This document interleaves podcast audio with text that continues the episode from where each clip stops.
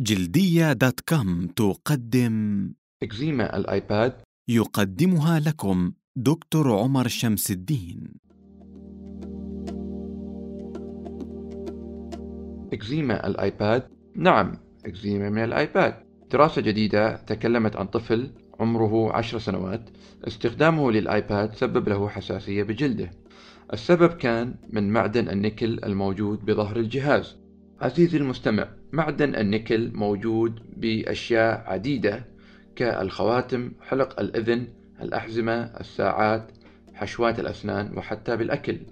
الموبايلات وأجهزة اللابتوب أيضا توجد بها كميات مختلفة من معدن النيكل. كيف تم تشخيص المشكلة؟ عن طريق فحص الحساسية وهو عبارة عن لصقة فيها شر المواد التي تحسس الجلد. نقوم عادة بوضعها على ظهر المريض مدة يومين ونلاحظ ظهور الإحمرار من عدمه.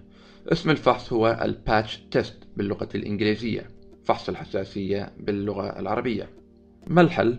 الحل هو بتجنب التعرض للمادة المحسسة بالمستقبل. تم علاج أعراض هذا الطفل بدهانات الكورتيزون بالإضافة إلى تغطية الآيباد بحماية تغطي ظهره المعدني عن أيدي الطفل.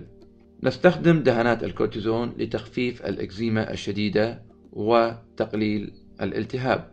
هل من مواد أخرى غير النكل تسبب التحسس؟ نعم هناك العطور الحنة أصباغ الشعر الجلود والمواد الحافظة بمستحضرات التجميل قد تسبب تحسس الجلد منها.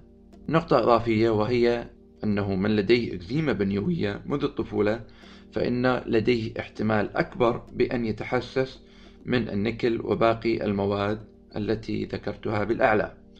الخلاصة الإكزيما التلامسية نجاح علاجها يعتمد أساسا على التشخيص المبكر والابتعاد عن المادة المسببة.